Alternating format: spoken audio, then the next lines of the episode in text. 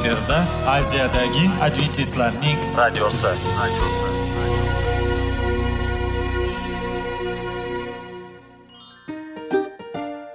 Assalomu alaykum aziz radio tinglovchilar. Sog'liq daqiqasi rubrikasiga xush kelibsiz. Zero tananing sog'lom bo'lishi va uning kasalliklardan saqlash har bir insonning burchi hisoblanadi. Inson uchun bebaho boylik bu sog'liq salomatlikdir. Uni asrash esa har birimizga omonat qilib berilgan. Shuning uchun ham inson o'z sog'lig'ini ehtiyot qilishi voajib amallardan hisoblanadi. Dono xalqimiz sog'liq tuman boylik deb bejiz aytmagan. Aql idroq sohibi bo'lgan inson o'z hayotini qadrlashi lozim bo'ladi. Hozirgi kunda qanchalik dori darmonlar ko'paymasin tibbiy muassa sifati shifokorlar vasiyasi tibbiy texnika yaxshilanmasin. Agar insonning o'z salomatligi haqida qayg'urmasa kutilgan natijaga erishib bo'lmaydi va biz sizlarga bizning dasturimizga xush kelibsiz deymiz.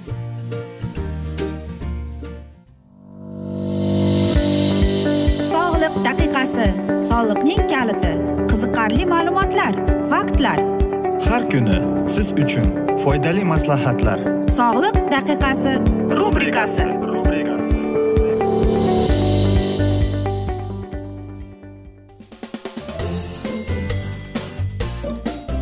assalomu alaykum aziz radio tinglovchilar. Dasturimizga xush kelibsiz. Qanday qilib sog'lom bo'lish kerak degan dasturda xushvaqt bo'ling deb aytamiz. Va bugungi bizning dasturimizning mavzusi to'g'ri ovqatlanish salomatlik garovi deb nomlanadi.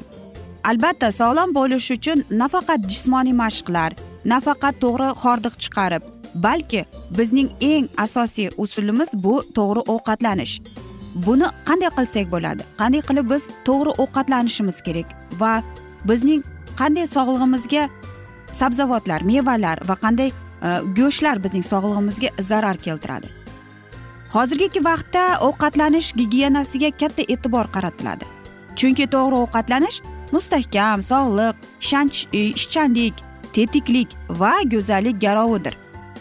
Ovqatlanish madaniyati deganda me'yorda ovqatlanish tartibi tushuniladi. Bu ovqatni qancha va qachon yeyishni dasturxonni bezashni bilishdir. Odam sutkada qancha ovqat yeyish kerak degan savol berasiz albatta. Bu ovqatga bo'lgan ehtiyojga odamning o'sishi va organizm hujayralarining muntazam yangilanishi uchun zarur bo'ladigan energiya manbai hamda ko'rilish materialiga odamning yoshiga jinsiga ish tartibiga yashash joyining iqlim sharoitlariga bog'liq bo'ladi. Odam sutkada qancha energiya sarflasa ovqat bilan shuncha energiya olish kerak. Albatta siz aytasizki agar masalan mening e, ishim jismoniy ya'ni jismonan men ko'p ishlasam demak ko'p ovqatlanishim kerakmi deb. Albatta shunday deb aytishadi. Lekin mana shunday ishda ham to'g'ri ovqatlanib mana shu meva mana shu sabzavotlardan ham xuddi mana shu vitaminlarni olishingiz mumkin. O'zingizga zarar keltirmasdan. Ko'plab yoshlarimiz va ko'p odamlar insonlar e, hozirgi vaqtda ya'ni mana shu fast foodga o'tirib qolgan. Ya'ni hozir men uyda ovqatlanmayman tushlikda masalan gamburger yoki xuddi mana shu doner kola chipsi ichishadi lekin mana shu narsalar sog'lig'imizga aynan qanchalik zarar keltirishi haqida ovqat uyda pishirilgan ovqat baribir boshqacha va mazali deymiz bu to'g'ri chunki siz o'zingiz qilgansiz bu ovqatni agarda odam juda to'yib ovqat yeydigan bo'lsa u semirib ketadi va xunuk oqibatlarga olib kelib chiqadi masalan noto'g'ri ovqatlanish bu bizni qandli diabetga aterosklerozga jigar funksiyalarining buzilishiga va hokazo kasalliklarga olib keladi. Hozirgi paytda ko'p ovqat yeydigan yog'li taomlarni xush ko'radigan odamlar ham bor. Hozirgi vaqtda ko'p ovqat yeyish oqibatida juda ko'p odamlar semirib ketgan va mana biz aytgandek yuqorida bu fast foodlarga tegishli. Semirib ketmay deb och yurish muntazam to'yib ovqatlanmaslik ham yaxshi emas. Bu xavfli organizmga barcha oziq ovqat moddalari aksillar yog'lar uglevodlar vitaminlar va mineral tuzlar kerak bo'ladi. Qarangki aksillar hujayralarning strukturu asosi ya'ni tashkil etadi. Sizning hujayralaringizning strukturasiga mana fermentlar gormonlar mana shular kerak ekan. Fibrinlar boshqa hayotiy zarur moddalar tarkibiga kiradi deyishadi olimlar. Go'shtni me'yorida yeyish kerak. Agar go'sht ko'p yeb yuboriladigan bo'lsa organizmga zarar keltiradi. Chunki qarangki go'sht tarkibida bo'ladigan biogen omillar qon tomirlar tonusining kuchaytiradi. Bu esa qon bosimini oshiradi. Tarkibida boshqa qimmatli aksillar bo'ladigan tvorog qaddan ziyod yeyiladigan bo'lsa buyrakda tosh paydo bo'ladi deydi. Albatta aziz do'stlar qarangki bundan oldingi olimlar shunday aytgan ekan. Go'sht yemanglar deb ya'ni go'shtda fikrlash qobiliyatini yo'qotadi. Odamni go'sht o'tmas qiladi deyilgan ekan. Xo'sh go'sht ya'ni ularda biz bilamizki go'sht iste'mol qilgan u asabiy yuradi. Bu nimaga? Shuning uchun ham aytishadiki tarkibida aksil vitaminlar bo'ladigan ovqat ratsionni turli bo'lishi kerak. Sut tvorog baliq yoki go'sht shuningdek mineral tuzlar saqlaydigan sabzavotlar mevalar yog'lar o'simlik moylari bo'lishi kerak. Qarang go'sht umuman olib qaraganda zararli ham emas lekin uni me'yordan ortiqcha yeb qo'ysangiz mana shunda ortiqcha u sizga zarar keladi sog'lig'ingizga. Shuning uchun ham olimlar aytadiki biz o'zimizning ratsionimizga e, mevalar ko'katlar sabzavotlar mana shunday narsalarni kiritishimiz kerak. Nafaqat masalan guruch yoki hokazo narsani. Sabzavot ya'ni bu olma bodring pomidor bolgar qalampiri mana shunday narsalarni kiritishimiz kerak. Ba'zi olimlar aksil yog' uglevodlar sabzavotlar bilan ovqatlanishni tavsiya etadilar. Ya'ni ovqat tarkibida bu mahsulotlar bo'lsa odam to'liq qimmatli ovqatlangan bo'lar ekan. Ya'ni siz go'sht yemasangiz ham siz mana shu uglevod sabzavotlar bilan ovqatlanish ham tavsiya etiladi deydi.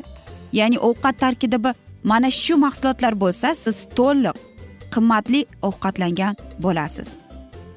Hozirgi paytda olimlar bir sutkadan to'rt mahal ovqatlanishni tavsiya qiladi. Vaqtim yo'q deb bahona qilib kuniga bir ikki mahal ovqatlanish ham hazm e, organlariga katta ziyod yetkazadi deydi. Aziz do'stlar men o'ylaymanki mana shunday olimlar e, bejiz hozirgi yigirma birinchi iqlimda ko'plab odamlar sog'liqning e, mana shunday muammolariga kelib va to'g'ri ovqatlanish haqida o'ylanib qolgan. Va bizning dasturlarimiz sizlarga mamnun bo'ladi deb. Sizlarda aziz do'stlar savollar tug'ilgan bo'lsa biz sizlarni salomat klub internet saytimizga taklif qilib qolamiz. Va u yerda siz sizni qiziqtirgan hamma savollaringizga javob topasiz deymiz. Biz esa sizlarga va oilangizga sog'lik tilagan holda xayrlashib qolamiz.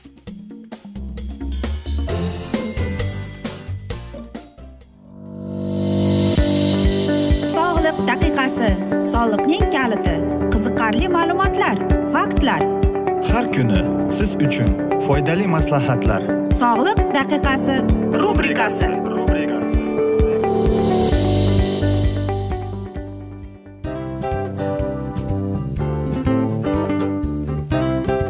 mana ha hayotda hamma narsaning yaxshi narsalar tugaydi va yakunlaydi degandek bizning dasturimizga ham yakun keldi. O'ylaymanki bizning dasturimiz sizga foydali bo'ldi deb aziz radio tinglovchimiz. Va siz o'zingiz uchun kerakli xulosalar kerakli maslahatlar olib oldingiz. Aziz radio tinglovchimiz biz bilan qoling va keyingi dasturlarimiz albatta undanda qiziqroq bo'ladi. Mana shu alfozda sizlar bilan xayrlashib qolaman.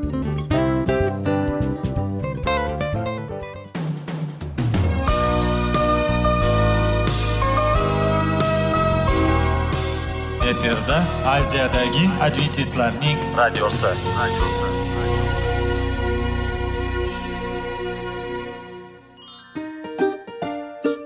Assalomu alaykum aziz radio tinglovchilarimiz. Dil izhori dasturimizga xush kelibsiz. Pul insonni baxtli qiladimi? Albatta yo'q. Sog'liqchi. Albatta bo'lishi mumkindir. Lekin olimlar shuni isbotlashdiki to'liq va mukammal munosabatlar insonlarni baxtli qilar ekan.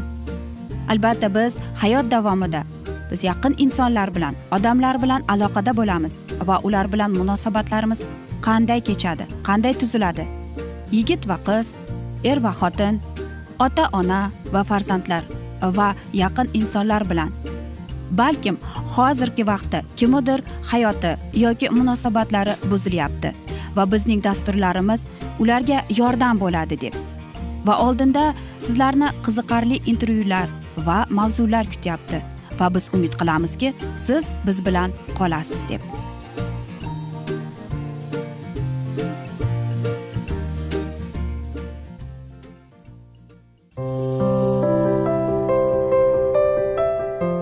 Kuni har xil kasbdagi odamlar bilan sirlashish va bo'lishish sevgi rashq munosabat bularni hammasi dil izhori rubrikasida.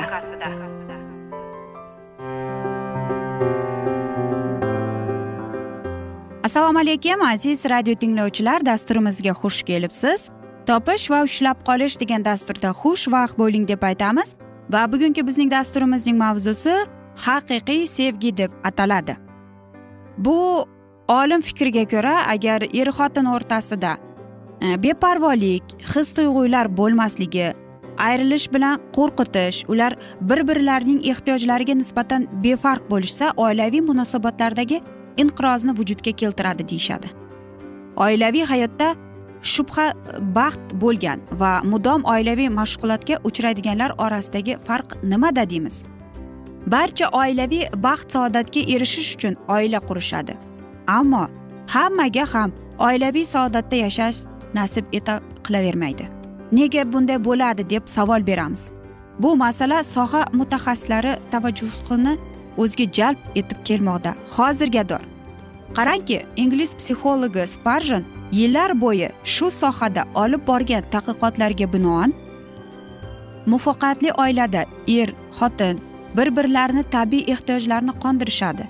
Ular bir birlarining qadriga yetib munosib fursatda bir birlariga sevgi izhor etishadi.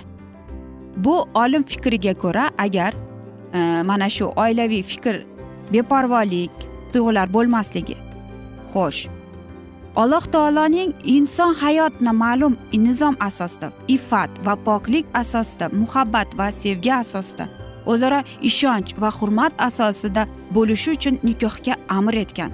Albatta qarangki xudoyimning oilaga bo'lgan munosabati umuman boshqacha ekan.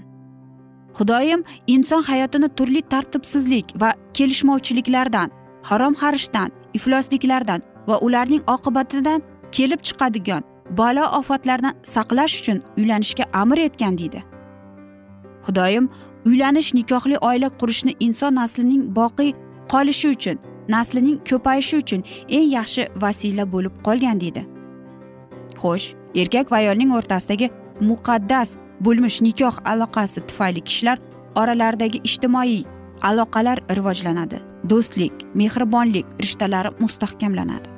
Uylanish tufayli deydi insonning mayli jilovlanadi. Mana shu uchun ham xotirjamlik saodat ta'mini etiladi deydi. Erkak va ayol yaratilish aslida bir birini mukammal etuvchi fitratga ega bo'lib ruhiy va jinsiy jihatdan bir birlaridan farqlanishadi. Erkak va ayol orasidagi bu farqiyatlar jamiyatning rivojlanishiga olib boradi. Shu farqiyatlar singari erkak va ayollar bir biriga moyil bo'lishlariga sabab bo'ladi. Albatta har bir millatning o'ziga xos ma'naviyatini shakllantirish va yuksaltirishda oilaning o'rni va ahamiyati benihoyat salmog'idir agar oila sog'lom bo'lsa jamiyat ham mustahkamdir. Jamiyat va mustahkam ekan mamlakat barqaror deydi. Xo'sh aziz do'stlar biz aytamizki nega shunday bo'ldi deb. Aziz do'stlar bu sevgi shuning uchun ham sevgida hamma narsa bo'ladi. Men o'ylaymanki agar inson agar oilada sevgi va inson bo'lgandachi nima bo'lishi kerak? Ikki inson bir birini sevadi. Va aytmoqchimizki oilada va mana shu er xotinning munosabatida romantika bo'lishi kerak. Nafaqat siz uchrashib. Albatta oshiq bo'lish bu yaxshi lekin o'zingizning sevgingizni o'zingizning g'amxo'rligingizni e'tiboringizni mana shu narsalarni hammasini sevgining faktori deb aytar ekan. Lekin ba'zi bir insonlar shunday ham insonlarni uchraymizki ular o'zining sevgisini ko'rsatmaydi ham. Xo'sh qanday qilib ko'rsatadi? Va biz sizlar bilan o'tgan galgi dasturlarimizda aytgan edikki e, ayol kishi o'zining sevgisini umuman boshqacha qilib ko'rsatadi. Erkak kishi boshqacha qilib ko'rsatadi. Lekin shirin so'zni hali hech kim man etmagan. Xo'sh agar sizlarning orangizda sevgi bo'lsa er xotin mana shu sevgiga mana shu munosabatlarga ikkalasi ham mas'uliyatdir. Mana shu juftlik bo'lish uchun er xotin ikkalasi ham baravariga mehnat qilish kerak. Ikkalasi ham aytishadiku qarz ikki qo'ldan chiqadi deb. Bilasizmi turmush qurgan insonlar bir narsani unutib qo'yadiki mana shu turmush qurgandan keyin ikkinchi inson uchun u albatta mas'uliyatlidir. Shuning uchun ham aziz do'stlar sevdingiz. Mana shu sevgini mana shu hislarni siz avaylab asrab e, o'zingizni boshqacha qilib aytganda mana shu sevgini saqlab qolishga harakat qilish kerak. Chunki ikkita hayot bu bir juftlikdir va keyingi hayotda sizni mana shu sevgi mana shu juftlik e, keyinchalikda kelajakda sizga eng umidli himoya bo'ladi aziz do'stlar. Va qarangki sevgi deganimizda biz boshqacha qilib tushunamiz boshqacha nima qilamiz. Lekin sevgi bu xudodan berilgan ne'matdir. Xudoga bizga mana shu ne'matni berdikmi? Biz avaylab asrab mana shuni nikohimizni boshqa ya'ni yomon narsalardan himoya qilishimiz kerak deymiz. Albatta mana shunday narsalarga ayniqsa biz yoshlarimizga qaratishimiz kerak. Chunki oilani faqat sevgi mehnat juftliklar saqlab qoladi. Agar siz uchrashib yurgan paytda siz sevgansiz mana shu insonni. Shuning uchun ham aziz do'stlar haqiqiy sevgi ko'p qiyinchiliklarni kechadi. Haqiqiy sevgi qiyinchiliklardan qo'rqmaydi. Shuning uchun ham o'z jufti halolingizga daldachi bo'ling do'st bo'ling va albatta himoyachi bo'ling deymiz. Biz esa mana shunday asnoda afsuski bugungi dasturimizni yakunlab qolamiz chunki vaqt birozgina chetlatilgan. Lekin keyingi dasturlarda albatta mana shu mavzuni yana o'qib eshittiramiz. Va o'ylaymanki siz bizni tark etmaysiz deb chunki oldinda bundanda qiziq va foydali dasturlar sizlarni kutib kelmoqda. Aziz do'stlar biz esa sizlarga va oilangizga tinchlik totuvlik tilab yuzingizdan tabassum hech ham ayrimasin deymiz aziz do'stlar. Va albatta seving seviling deb xayrlashamiz.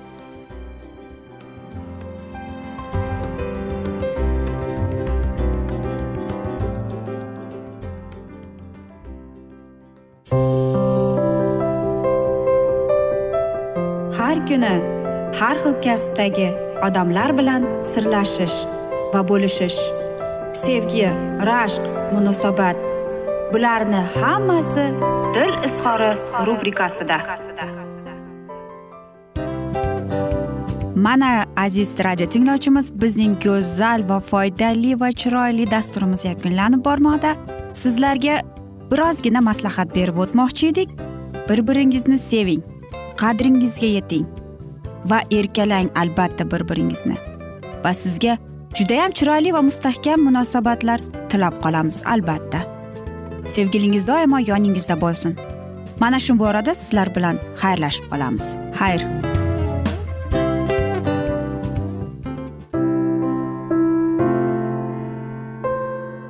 Hayotning noni.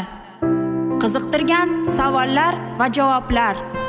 Buning hammasi ko'ngil uchun oziqa rubrikasida.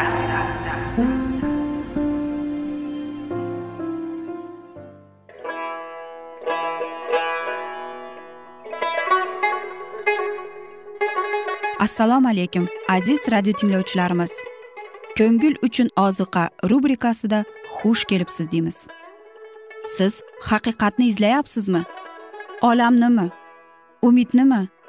Siz kimga murojaat qilmoqchisiz? Odamlar ko'pincha siyosat kuchiga tayanadilar. Dunyo iqtisodiyoti holati tobora chuqurlashib bormoqda. Tabiiy ofatlar va texnogen halokatlar minglab insonlarning hayotini olib ketib juda katta zarar yetkazmoqda. Sizga abadiy hayot inomini hadya qiluvchi va hayotingizni tubdan o'zgartiruvchi haqiqatni izlab toping. Xudo haqidagi haqiqat uning kalomida mujassamlashgan. Kimki bu haqiqatni butun qalbi bilan izlasa albatta unga yetishadi. Bu sevgi xudoning tarixidir. Hayotingizda yoki sizning yon atrofingizdagi olamda nimalar yuz berishidan qat'iy nazar? Siz ertagi kunga buyuk umid va ishonch hosil qilishingiz mumkin. Hozirda xudo sizga taklif qilayotgan umid ishonchga o'z qalbingizni oching va sizni qiziqtirayotgan mavzularni savollaringizga javoblaringizni topib olasiz deb umid qilamiz. Biz bilan qoling.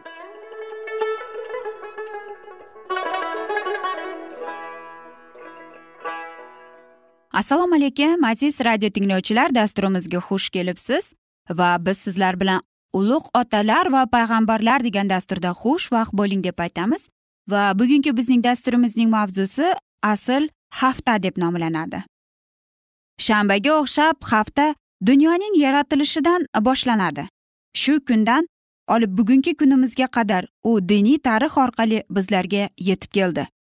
Birinchi haftani xudovand o'zi vaqtining oxirigacha butun kelajak haftalar uchun namuna sifatida chorladi. Har hafta yetti kundan iborat. Olti kun davomida xudovand karim borliq mavjudotni yaratish ishlari bilan band edi. Yettinchi kunda u hamma yaratish ishlarini ishlardan tindi.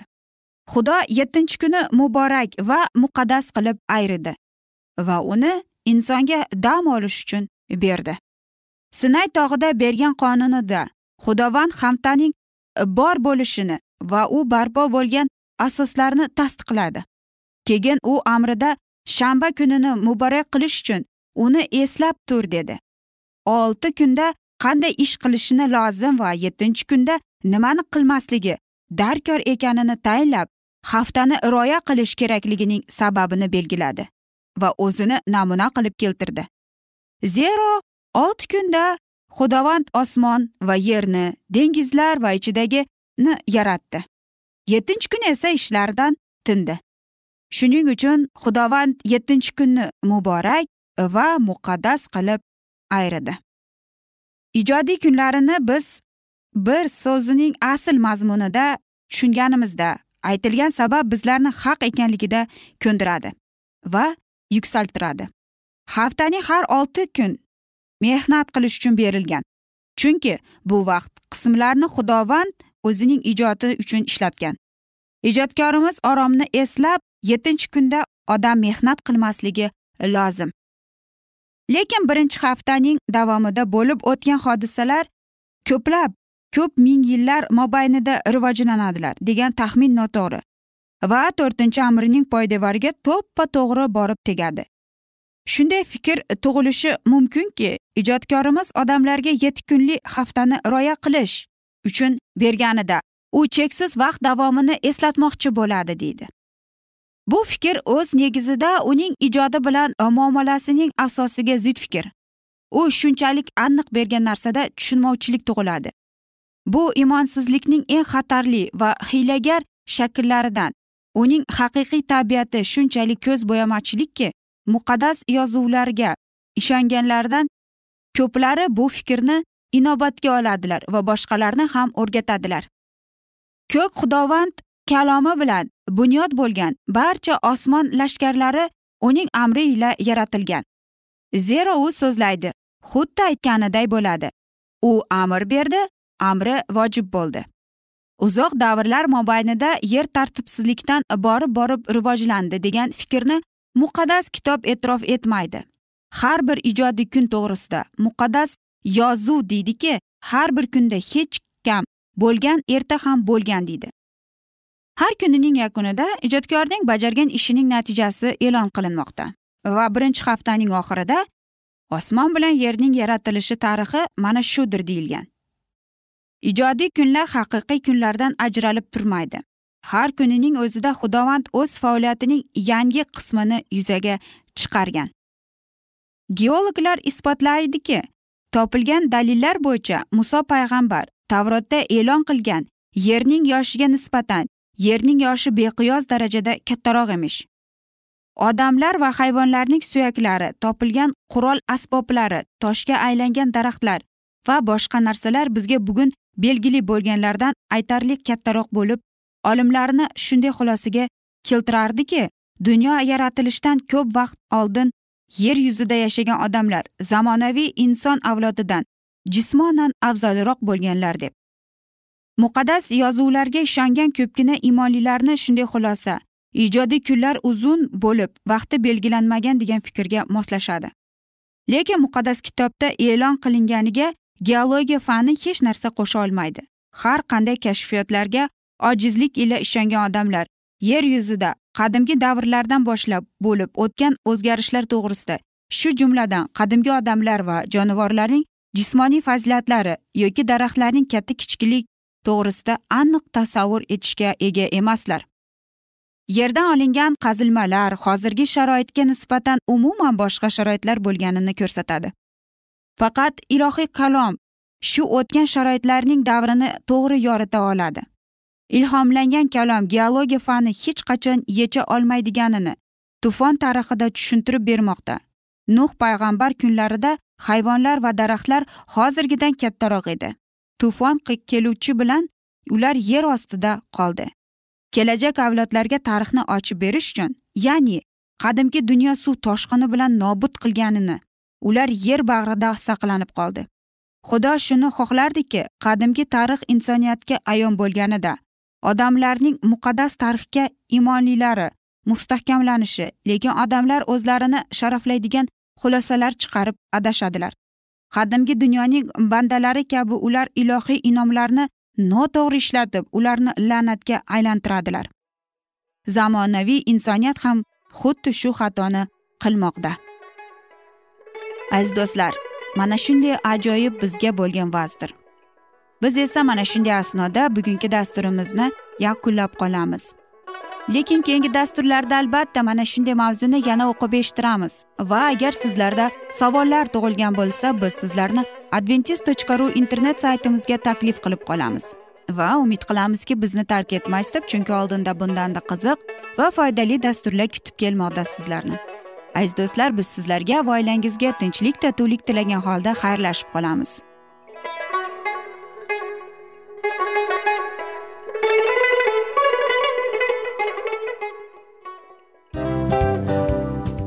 Narsaning yakuni bo'ladi degandek afsuski bizning ham dasturlarimiz yakunlanib qolyapti. Va biz o'ylaymizki bizning dasturimizdan o'zingiz uchun kerakli va foydali maslahatlar olib oldingiz. Sog'liq borasida sizga foydali maslahat berganmiz deb umid qilaman albatta. Va sizlarga mana shu borada sog'liq tilab qolaman. Munosabatlarga kelganda esa sizlarga sevgi omad va albatta yaxshi munosabatlar tilab qolamiz. Uchinchisiga kelganda esa bu juda chuqur va e'tiborli nazarni qumsaydi. Va sizlarga mana shu yaxshilik kayfiyatda sizni kayfiyatingizni ko'targan holda sizlar bilan xayrlashib qolaman afsuski. Ammo lekin keyingi dasturlarimiz undanda qiziq bo'ladi. Va siz biz bilan bo'ling bizni tanlaganingiz uchun sizlarga rahmat. Omad sizlarga xayr.